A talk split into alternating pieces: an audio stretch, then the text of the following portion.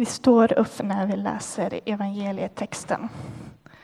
Och idag är det från Markus kapitel 2, vers 1 till 12. Och ni hittar eh, det, ni som har de röda biblarna, på sida 706. Några dagar senare kom han tillbaka till Kafarnaum där det blev känt att han var hemma. Det samlades så mycket folk eh, att inte ens platsen utanför dörren räckte till längre och han förkunnade ordet för dem. Då kom det dit med en lam man som bars av fyra män. Eftersom de inte kunde komma fram till Jesus i trängseln bröt de upp taket ovanför honom och firade ner bädden med den lame mannen genom öppningen. När Jesus såg deras tro sa han till den lame mitt barn, dina synder är förlåtna. Nu satt där några skriftlärda och de tänkte för sig själva, hur kan han tala så? Han härdar ju. Vem kan förlåta synder utom Gud? Jesus förstod i sin ande vad de tänkte och sade till dem, hur kan ni tänka så i era hjärtan? Vilket är lättast, att säga till den lame, dina synder är förlåtna, eller att säga, stig upp, ta din bädd och gå. Men för att ni ska veta att Människosonen har makt att förlåta synder här på jorden säger jag dig. Och nu talade han till den lame. Stig upp, ta din bädd och gå hem. Och mannen steg upp, tog genast sin bädd och gick ut i allas åsyn så att de häpnade och prisade Gud och sade Aldrig har vi sett något sådant. Så lyder det heliga evangeliet. Lovad vare Kristus. Halleluja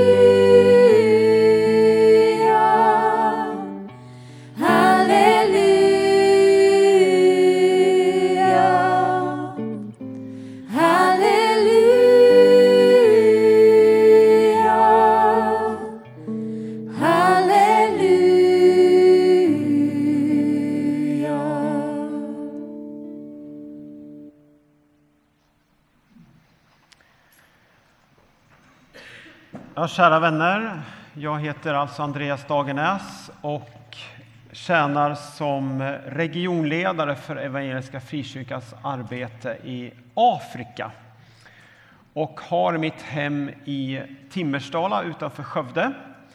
Och så har jag flera hem på den afrikanska kontinenten. Vi har som familj bott eh, vid kusten i Tanzania och så har vi bott i Sydafrika under ett antal år.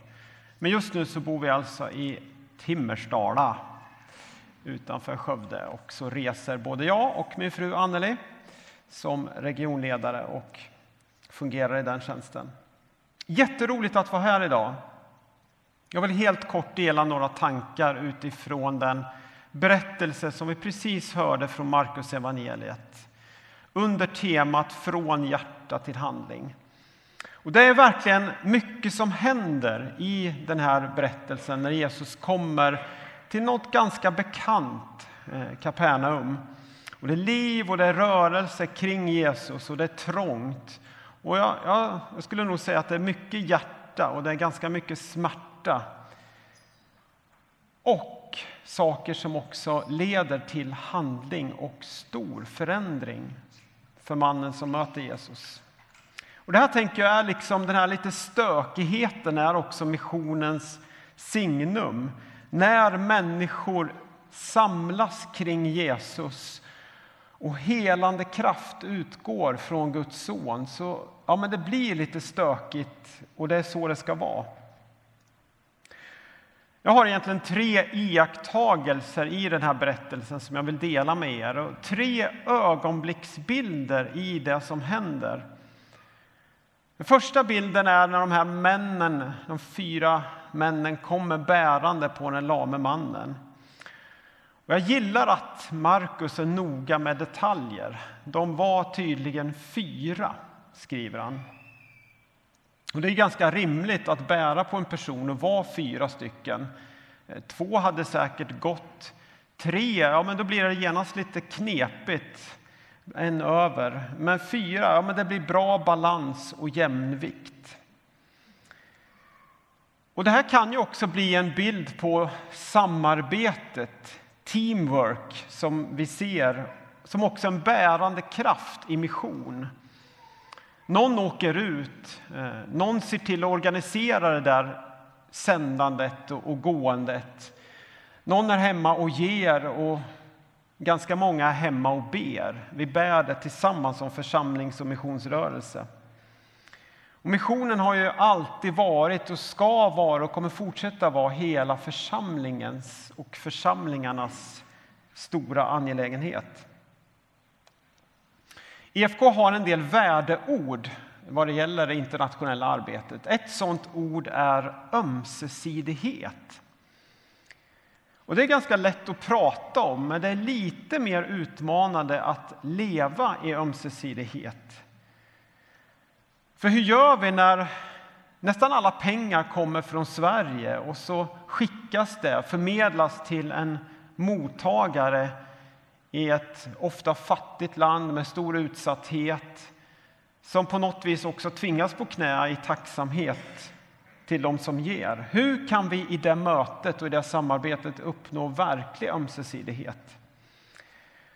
Jag har egentligen inga svar på den frågan, men jag har sett och kanske insett mer och mer hur viktigt det är att vi inte bara sitter, finns i Sverige och förmedlar ekonomi, utan att vi också faktiskt sänder människor av kött och blod för att dela livet. Vi brukar tala om den inkarnatoriska missionen, alltså att bli kropp, att komma som vi är och dela livet tillsammans. När vi flyttade till Tanzania så hade vi ett väldigt tufft första år. Jag kan känna smärtan i det du delar här förut idag. Ja, men jag, jag fattar. Det, är, det kan vara skittufft. Eh, bara efter några månader så i det team vi skulle bilda då med de lokala ledarna där i Tanzania så var det en av nyckelpersonerna i, eh, i det lokala ledarskapet som svek oss andra eh, oerhört. Eh, det, var, det var en traumatisk händelse. Och i det lidandet så, så var ju jag och Anneli tvungna liksom att, att försöka förstå vad det är som händer. Hur ska vi förstå de kulturella koderna som, som liksom eh, satt in i den situationen? Eh, och i det så fick vi faktiskt också i det lidandet kliva, vi var tvungna att kliva nära också de lokala ledarna, förstå att deras ledarskap var det som gällde nu Fråga många frågor. Varför gör ni så här och varför händer det här? Och i det så fick vi bära varandra, sitta och gråta tillsammans. Vi fick förstå vad förlåtelse innebär. Men också låta oss själva, som nya i kulturen, bli burna. Och i det så, ja men att kliva nära varandra i det som är smärtsamt, ja men det är ju faktiskt en stor del av vad Jesus gjorde när han kom hit, blev som en av oss, bar våra bördor, gick hela vägen. Mission görs bäst i team, när vi bär saker och ting tillsammans. Ja, det var min första iakttagelse. Den andra bilden är när vi ser de här männen komma till huset. Det är alldeles fullt, de kommer inte in genom dörren. Och så kliver de upp på taket. Jag tror att du kan se dem för en inre blick. Och så börjar bryta upp taket, vad det nu bestod av. Ja, men det är något tjusigt i handlingskraften och det visar på ett stort hjärta och så visar det på handlingen. Och det är ju det här, ser någonting omöjligt ut, ja men då gäller det att tänka utanför boxen. Och det gäller att bryta upp en del tak som hindrar, står i vägen för det man vill se. Och det kan handla om att bryta strukturer för att det här mötet ska ske mellan den behövande, den utsatte, den nödlidande och Gud som kan förvandla situationen. Ett sånt där sätt att bryta lite strukturer som vi har sett i Region Afrika, i flera av de länder vi arbetar i, det är när vi börjar prata om barns rättigheter. Ett begrepp som i västerlandet och i Sverige är ganska självklart, att barnet och dess rättigheter och behov står i centrum. Eh, men när vi tog upp det med kyrkoledare och våra partnerkyrkor så var det absolut inget självklart. Man hade hört om konceptet men förknippade faktiskt ibland med västerländska värderingar och såg det ibland som ett hot mot sin egen kultur, där familjen och, och ja, det patri patriarkala har liksom en, en grundstruktur i samhället. Någon sa till och med att barns rättigheter är någonting ont som som inte hör till det afrikanska samhället. Just, där så, just därför så klev vi också upp på taket rent bildligt sett och började uppifrån. Samlade biskopar och ledare i styrelserna i partnerkyrkorna. Och så började vi läsa Bibeln tillsammans. Ja, men vart finns barnen i Bibeln? Hur ser Gud i Gamla testamentet på barns situation? Mose som räddades som spädbarn, David som kallades som ung, Samuel i templet som hörde Guds röst. Och så hela, många, många berättelser fram till Jesus som lyfter fram barnen som förebilder i Guds rike. Hindra dem inte, låt dem komma till mig. Och i det läsandet av skrifterna skedde någonting. Och vi började liksom samtala och fortfarande var vi kanske på lite olika Eh, ställen och infallsvinklar. så. Men det här blev som nycklar som öppnade ögonen både hos oss och flera av de ledarna i församlingsrörelserna där. Och det var till och med någon som sa, nu måste jag omvända mig. Och det här blev början på en väldigt spännande resa som nu har pågått i ett antal år. Och vi har fått se hur, hur flera av kyrkorna har initierat program, aktiviteter och engagemang just för att säkra barns situation i sina kontexter. Ibland behöver man bryta strukturer för att komma någon vart. Det var min andra iakttagelse. Den tredje och sista bilden jag vill dela med er det är när mannen firas ner och kommer liksom och så landar han vid Jesu fötter. Och det är nu liksom det sker, den stora förändringen och förvandlingen. Och det börjar med att Jesus, Guds son, uttalar syndernas förlåtelse. Sen sker, efter ett samtal, sen sker det kroppsliga undret. Jag tänker, hade du och jag varit där och haft någon slags samma auktoritet och, och så som Jesus, jag tror vi hade börjat med kroppen. Jag inbillar mig det.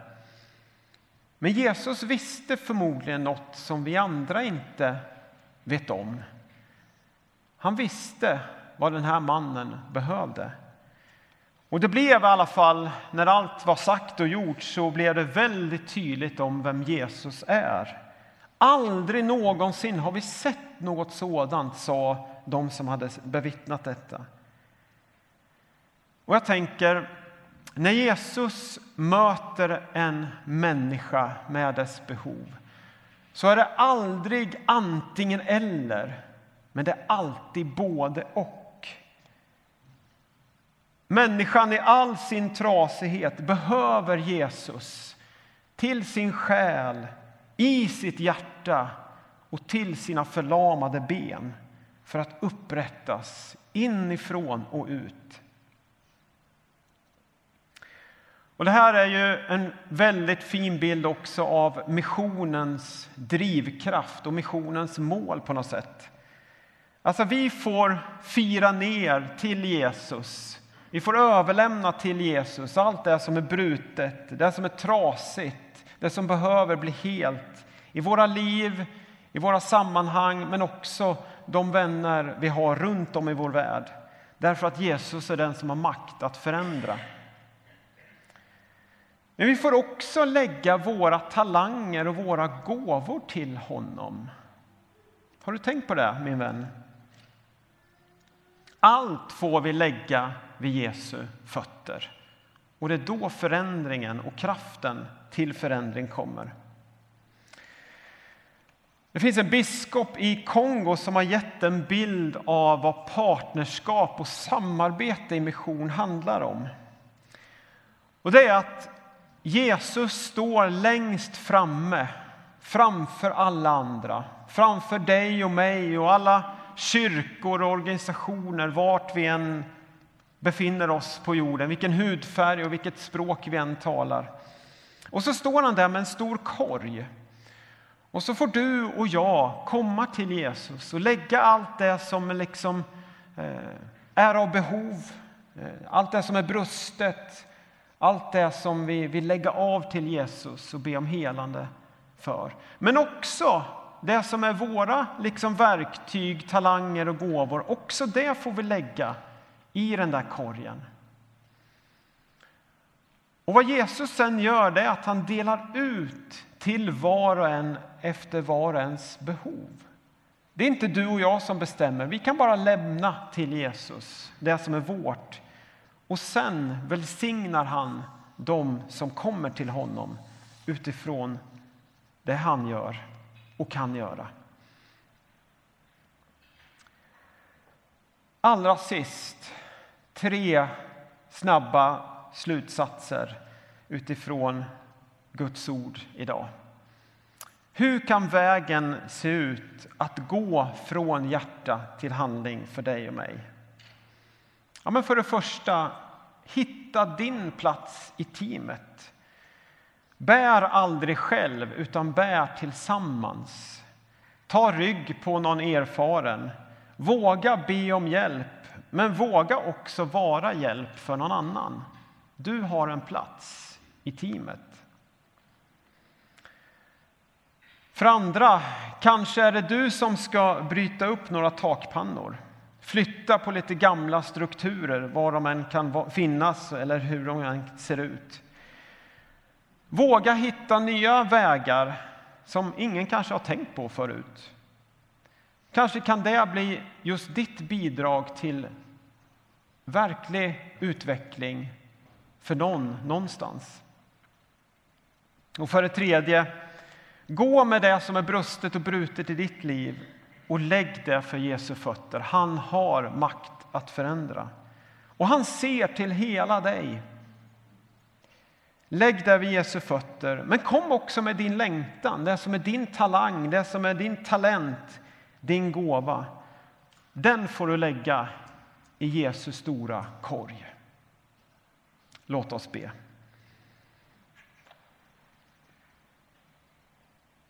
Herre Jesus, vi tackar dig för att du finns mitt ibland oss. Du är här och du är här också med din heliga Ande. Och vi kommer som vi är idag.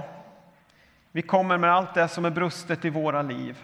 Men vi kommer också med det du har skapat oss. Med de verktyg och de gåvor som du har gett oss. Och vi lägger det till dig, Herre.